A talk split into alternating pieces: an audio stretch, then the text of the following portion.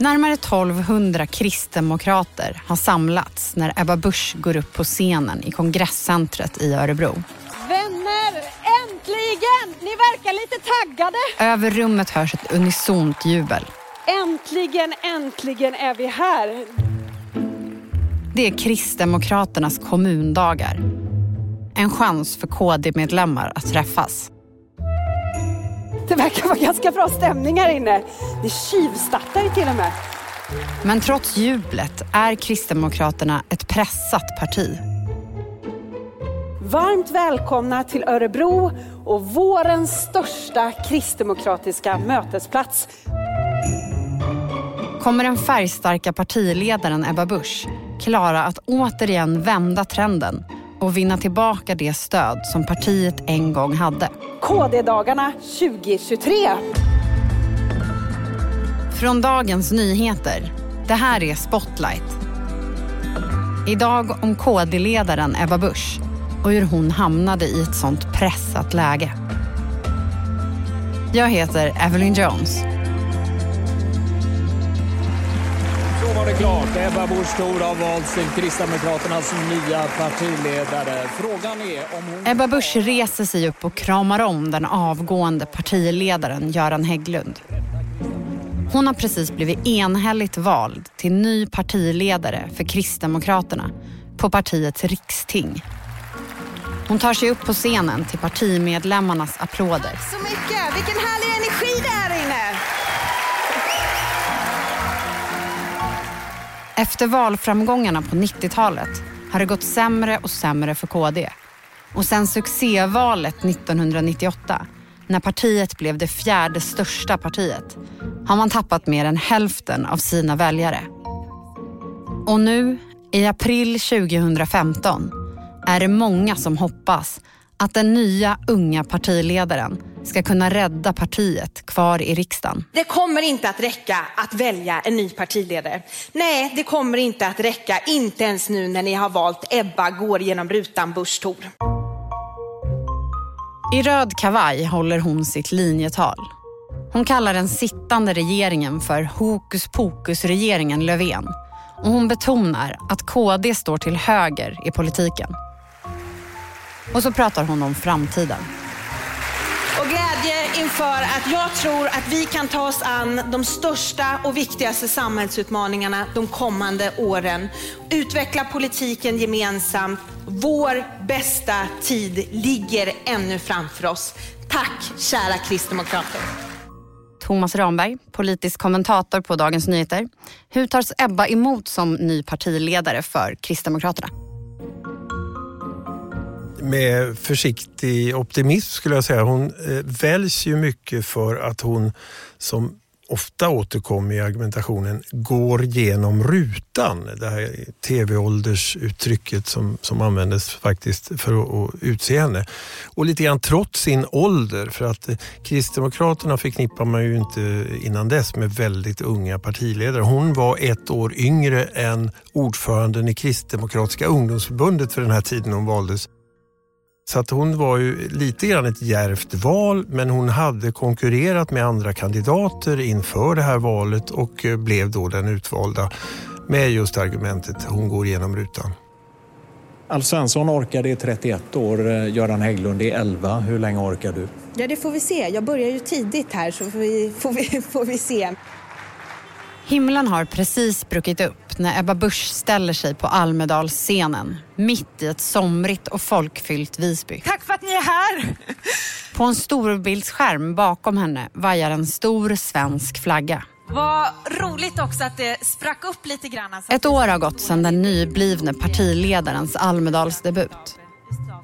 Då gjorde hon uttalanden om skärpta straff för terrorister och svenska krigsinsatser mot terrorgruppen IS.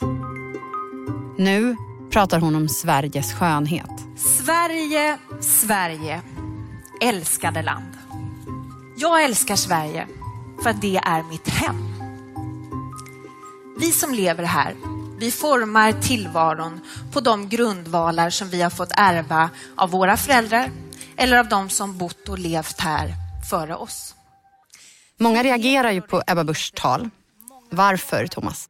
Hon tänjer gränsen för vad som är möjligt att säga vid just det tillfället och det är så Ebba Busch ser sig. Hon ska vara ett avantgarde, en spjutspets i utvecklingen högerut i, i politiken på den borgerliga sidan. Och då eh, är hon eh, längst högerut eh, bortsett från Sverigedemokraterna som liksom inte räknas in vid den tiden, som inte finns som ett samarbetsparti, men som man konkurrerar med. Och då tar hon de här stegen. Hon har den här svenska flaggan och hon säger saker som är spetsigare. Eh, och vid den tiden var det ett utrymme som fanns. Det var ett sätt att försöka fånga moderatväljare, vilket är Kristdemokraternas projekt inför nästan varje val, därför att det är där man kan hämta eh, väljare från andra väljargrupper ifrån Moderaterna och försöka växa på deras bekostnad. Så närmar sig valet 2018. Det där valet när man hoppas att Ebba Busch ska rädda partiet. Men det ser inte alls så bra ut som man hoppats. I partiledarstaben är man orolig. Stödet för KD kryper ner mot 3% inför sommaren. Men så i slutspurten, då kommer Ebba uppsvinget. Partiet får över 6 av rösterna i riksdagsvalet.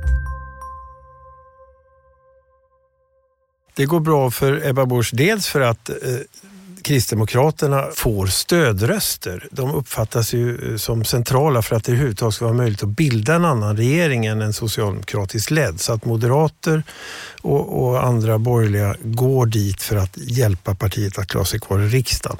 Men det var också så, och det är också ett fenomen som är vanligt eh, mellan de borgerliga, att partier byter väljare utifrån vem man tycker verkar vara bäst i den här valrörelsen. Eh, Ebba Busch har ju då, eh, är ju den här spetsiga ledaren som sticker ut, som väldigt många, särskilt de längst ut till höger, tycker om därför att hon tar politiska risker genom att spetsa till det, genom att tänja uttalanden, vara på gränsen. Så att eh, det, fanns flera saker som var, eh, stod rätt så att säga på hennes stjärnhimmel och blev hennes lycka när valresultatet kom. Och att vara på gränsen och ta politisk risk, det är det hon gör med en lunch knappt ett år efter valet. Nu skapar Ebba Busch rubriker igen. På Kristdemokraternas Facebook-sida laddas en bild upp. Det är en leende Ebba Busch i mörk kavaj och ljus skjorta i ett mötesrum i riksdagen.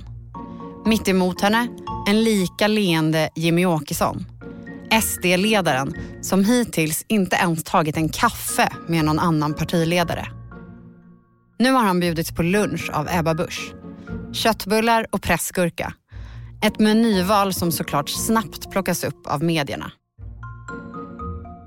Varför blir det här mötet mellan Ebba Busch och Jimmy Åkesson en så stor sak? Det är en stor sak därför att hittills har både Kristdemokraterna eh, och, och Moderaterna sagt att de ska inte samarbeta med Sverigedemokraterna på något övergripande politiskt plan. Och det har bara gått eh, månader sedan man lovade Centern och Liberalerna att inte ha något som helst samröre med Sverigedemokraterna om de bara ställde upp och bildade regering tillsammans med Moderater och Kristdemokrater.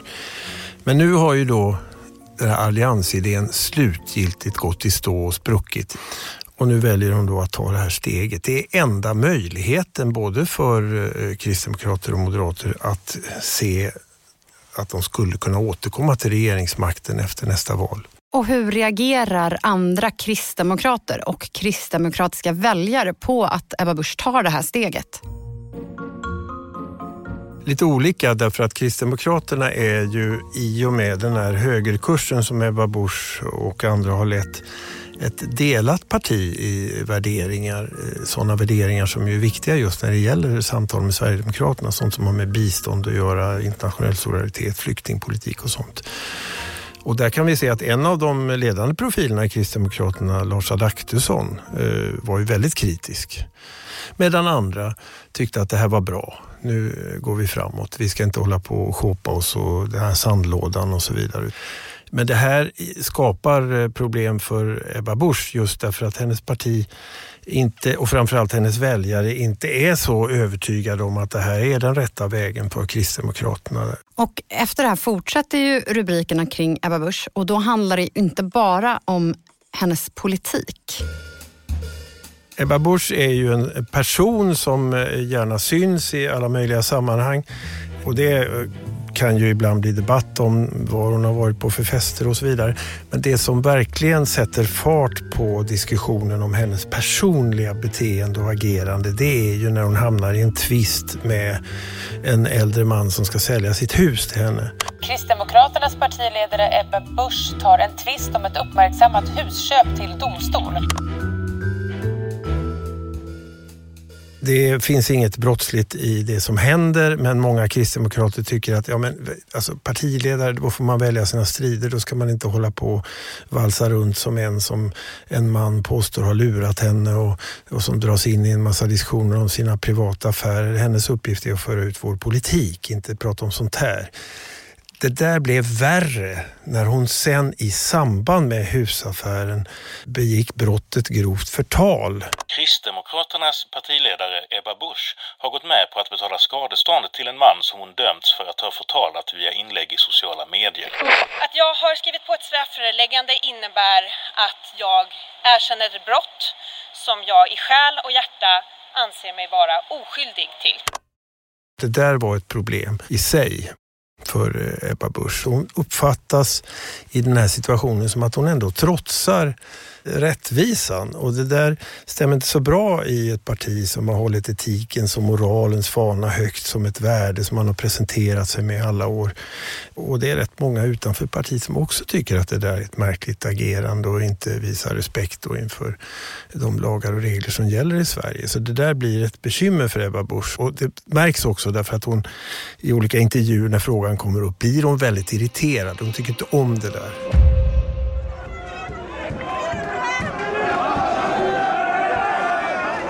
Det är påsk 2022, bara några månader innan valet.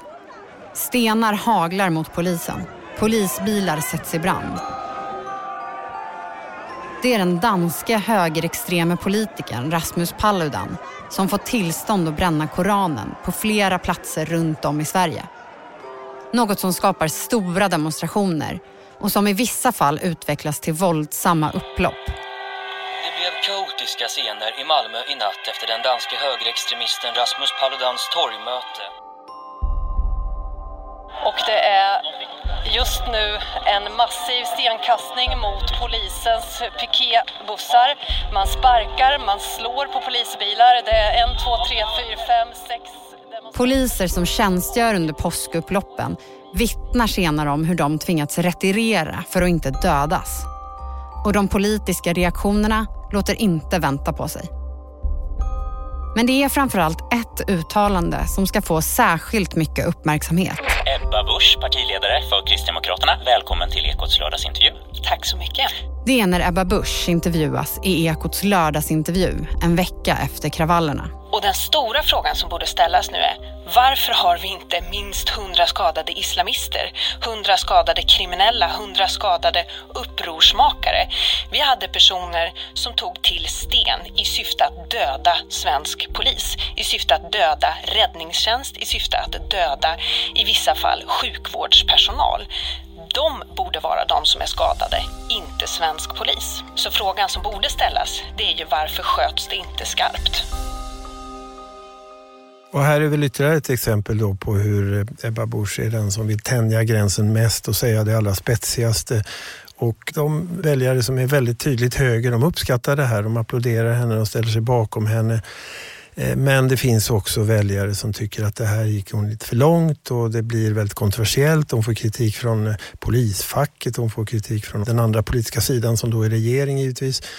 Hon får även kritik från en del i partiet faktiskt som tycker att här gick hon lite för långt. Så att det här är ytterligare ett sånt där tillfälle kan man säga där, där Ebba Busch eh, får en diskussion omkring sig om hennes omdöme, om hon verkligen har eh, helt klart för sig vad gränserna går för vad en politiker ska göra och inte. Och så kommer valet. Ja, även om det applåderas här bakom så gick det faktiskt en liten suck genom massan här när SVTs valundersökning presenterades alldeles nyss. Ett relativt stort tapp, 1,1 procentenheter. På... Det blir ingen succé för Ebba Busch KD. De gör sitt näst sämsta val sedan 1994. Och frågan om varför det går dåligt splittrar partiet. Var det den hårda retoriken? kom de klassiska kristdemokratiska värderingsfrågorna i skymundan. Det finns eh, rätt mycket som har gått dåligt i det här valet faktiskt och egentligen ingenting som har gått riktigt bra. Men trots ett dåligt valresultat ska Ebba Busch ses som en vinnare efter valet. Tillsammans kommer de gående genom riksdagens kammarfoajé. Moderaternas Ulf Kristersson, Liberalernas Johan Persson, Sverigedemokraternas Jimmy Åkesson och Ebba Busch. Alla ler brett. Det trånga pressrummet fylls av journalister, fotografer och nyfikna riksdagsledamöter. Jaha, om alla har samlats här. Ska vi göra så här så att det syns också? Så här ser det ut. Moderaternas partiledare Ulf Kristersson håller upp ett häfte. Det är Tidöavtalet. Det kommer att bli en trepartiregering bestående av Moderaterna, Kristdemokraterna och Liberalerna. Den regeringen kommer samarbeta nära med Sverigedemokraterna i riksdagen. Kristdemokraterna räddar sig inte bara kvar i riksdagen trots ett dåligt valresultat. Dessutom får de fler ministerposter än någonsin förut. Och den viktigaste för partiet, rollen som vice statsminister och energi och näringsminister, den går till Ebba Busch. Men det betyder också att man nu måste visa hur alla de här vallöftena ska bli verklighet. Ebba Busch föreställde sig nog att det här skulle vara ett kap att få den här ministerposten. I, normalt historiskt så är en näringsminister en ganska liten och betydelselös post. Men nu har man ju haft en valrörelse som har handlat jättemycket om kärnkraft. Och Ebba Busch eh, ser sig som den som har skapat den nya moderna svenska kärnkraftsdebatten. Så hon tänkte sig nog att det här skulle vara en vinnarpost även i regeringsställning. Det är dock en helt annan sak att opponera på en fråga och att sen försöka förvalta den för de där kärnkraftverken lär ju dröja. Så att hon har hamnat i ett läge där det istället handlar om varför betalas inte elstödet ut i tid som ni lovade före valet? När kommer pengarna till hushållen? När kommer pengarna till företaget? Och blir ganska snart regeringens mest kritiserade minister. Och samtidigt som Ebba pressas som minister så briserar en skandal inom partiet. En som skakar KD i fogarna. Huvudpersonerna är sedan länge nyckelpersoner i Ebba Buschs strategi. Kristdemokraternas partisekreterare Johan Ingerö som utsågs i oktober förra året lämnar sin post med omedelbar verkan. Orsaken är en polisanmälan av partikamraten EU-parlamentarikern Sara Skyttedal för ofredande. Det är Johan Ingerö som arbetat för att stöpa om KD till en folklig höger inspirerad av amerikanska republikaner. Och så är det den färgstarka EU-parlamentarikern Sara Skyttedal. Hon som liknat invandringen vid en skogsbrand. Hon anklagar nu Ingerö för sexuellt ofredande under en blöt valvakefest 2014. Han nekar men nu får han avgå som partisekreterare bara månader efter att han fick den åtråvärda rollen. Men det är Ebba Buschs hantering av situationen som får alla blickar att riktas mot henne. Ebba Busch hade ju kunnat ställa sig vid sidan om den här affären därför att eh, hon var ju inte ens partiledare när de här, eh, det här blöta tillfället ska ha inträffat. Eh, men istället så, så anklagar hon Johan Ingerö som ju karriärmässigt sett faktiskt ligger ner i det här läget. Hon ger sig på honom och säger att han var en inkompetent partisekreterare. Hon ångrar att hon tillsatte honom då ska man ju komma ihåg att Ingre och Bush har ju varit politiskt eh, ler och långhalm sedan åratal. Så den här utskåpningen framstår ju som eh, inte bara onödigt brutal, den blir ju som en bumerang mot hennes eget eh, politiska omdöme. För hon hade ju sagt bara några månader tidigare att han skulle leda Kristdemokraterna till en valframgång 2026 och nu är han plötsligt oduglig efter bara några månader. Och avslöjanden som de här då handlar om, det här med eh, sprit och eh, anklagelser om ofredande i alla fall och, och sådär. Det är ju någonting som har slagit ner i partiet och gjort, skapat en väldigt obehaglig stämning och det är nog det som gör att hon går så hårt åt Johan Ingerö. Hon känner en väldigt press från de här som är arga på att det här har hänt, som är väldigt besvikna, som är väldigt frustrerade. Nu måste hon göra någonting. Men det gör ju också att, att hon själv dras in i problemet och det blir en diskussion om hennes sätt att bete sig som chef och partiledare. Hörni, äntligen! Äntligen är vi här! När Ebba Busch ställer sig på scenen där i Örebro framför jublande kristdemokrater finns det ändå en splittring under ytan. Den handlar om var KD är på väg och om Ebba Buschs eget agerande. Thomas, hur pressad är hon? Hon är pressad därför att hon gjorde det här dåliga valet. Partiets valanalys eh, ser ju också siffror som visar att Ebba Busch är inte längre ett eh, sånt där så kallat flöte som man säger om partiledare som är, drar till sig fler väljare än vad deras parti gör. Sammanlagt så visar de här siffrorna också att den här hårdare amerikaniserade politiska idén hon har inte längre vinner sympatier, inte längre gör att Kristdemokraternas väljarkår växer och så. Eh, utan den verkar ju snarare ha nått vägs ände. Så att, eh, tillsammans med att hon har satt sig på en ministerpost där hon hittills har varit regeringens mest utskällda minister så har hon ju hamnat i ett väldigt prekärt läge. Så hur ser Ebbas framtid ut som KDs partiledare? Jag skulle säga att det gungar under fötterna att hon sitter ganska löst om man ser framåt valet 2026. Då är det ju inte osannolikt att det är någon annan som leder partiet. Än så länge är det en väldig uppslutning. Man stöder en partiledare som är kritiserad och ingen annan kandidat träder fram just nu. Men tålamodet eh, tryter ju om man inte får upp siffrorna så småningom. Du har lyssnat på Spotlight med mig, Evelyn Jones. Producent var Sabina Marmulakai. Exekutiv producent David Mer. Slutmixen gjordes av Gustav Sondén. Ljudtekniker Patrik Miesenberger. Originalmusiken är komponerad av Patricio Samuelsson. Ljudklippen i dagens avsnitt kom från TV4, SVT, TT Nyhetsbyrån, Sveriges Radio och Aftonbladet. Ansvarig utgivare för Dagens Nyheter är Peter Wolodarski.